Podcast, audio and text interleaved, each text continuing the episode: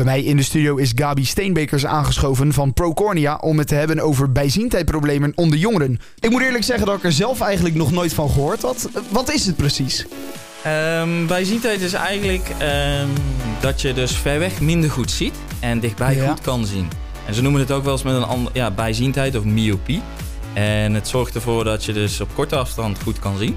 Maar als je ver weg wil kijken, dan zie je gewoon minder scherp. Maar dat is dus nog iets anders dan gewoon een normale plus of min afwijking van je ogen. Eh, nee, het is eigenlijk eh, een minafwijking noemen ze dat. Je Ja, ziet wel eens mensen met een eh, minbril, die hebben er vaak wat kleinere ogen achter hun bril.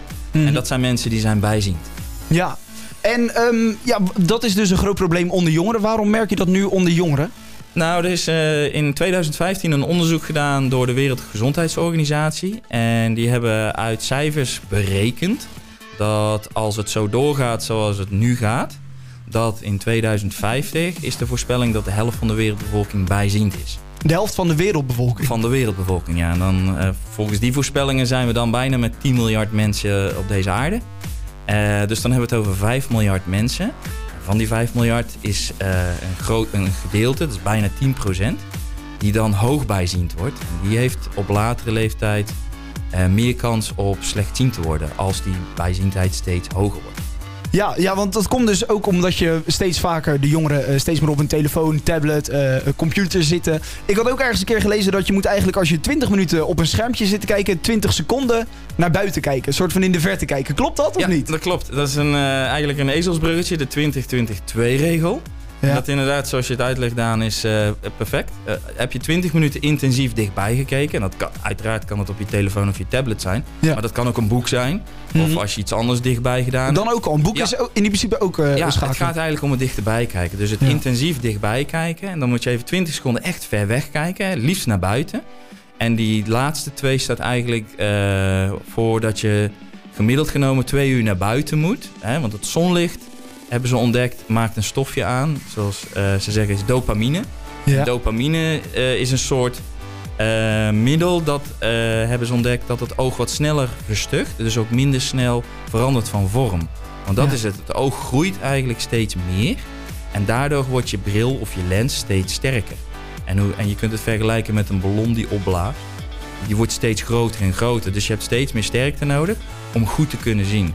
En wat ik al eerder zei is dat je dus op latere leeftijd dan meer kans hebt.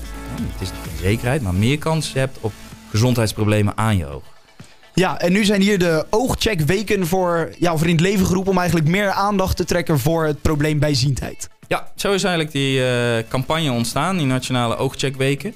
En het is eigenlijk het doel van die eh, oogcheckweken is om mensen bewust te maken van dit probleem. Wat de gevolgen op latere leeftijd kunnen zijn. En eh, het hoofddoel is dat eh, jongeren met name hun ogen preventief laten controleren. Om te kijken of ze bijziend zijn, ja of nee. En of het nodig is om met bepaalde middelen, en je hebt eh, meerdere opties, om dus te voorkomen dat die ogen steeds sneller slechter worden. Ehm, dus dat is een stukje preventieve oogzorg, zoals we dat dan noemen. En je kunt het vergelijken dat als mensen naar de tandarts gaan, gaan ze vaak preventief naar de tandarts. Om ervoor Ja. te zorgen dat ze later nog steeds goede tanden hebben. Ja, Nou, en eigenlijk willen we met het doel met deze oogcheckwekencampagne eigenlijk datzelfde proberen te bereiken. Dat je dus snel, als het nodig is, actie kan ondernemen. En eh, dat dat ervoor zorgt dat je dus eh, minder snel slechte ogen krijgt. Ja, dus vooral aandacht roepen en zeggen kom een keer langs, check je ogen en kijk of het eh, ja, wel goed is gesteld met de ogen. Ja, inderdaad. En eh, er zijn nou in Nederland bij die campagne 360 winkels op aangesloten. Dus er is altijd wel iemand in de buurt die bij jou Oh, ja. eh, in de bu- ja, die check kan doen. En ehm, de- die, die zijn te vinden via de Ik Kijk Verder website. En daar kun je zien als je je postcode intoetst wie bij jou in de buurt zo'n specialist is. En ja, dan op het moment dat er iets aan de hand zou zijn, eh, hoe eerder je start met de behandeling of therapie zoals je het noemen wil, hoe beter het is.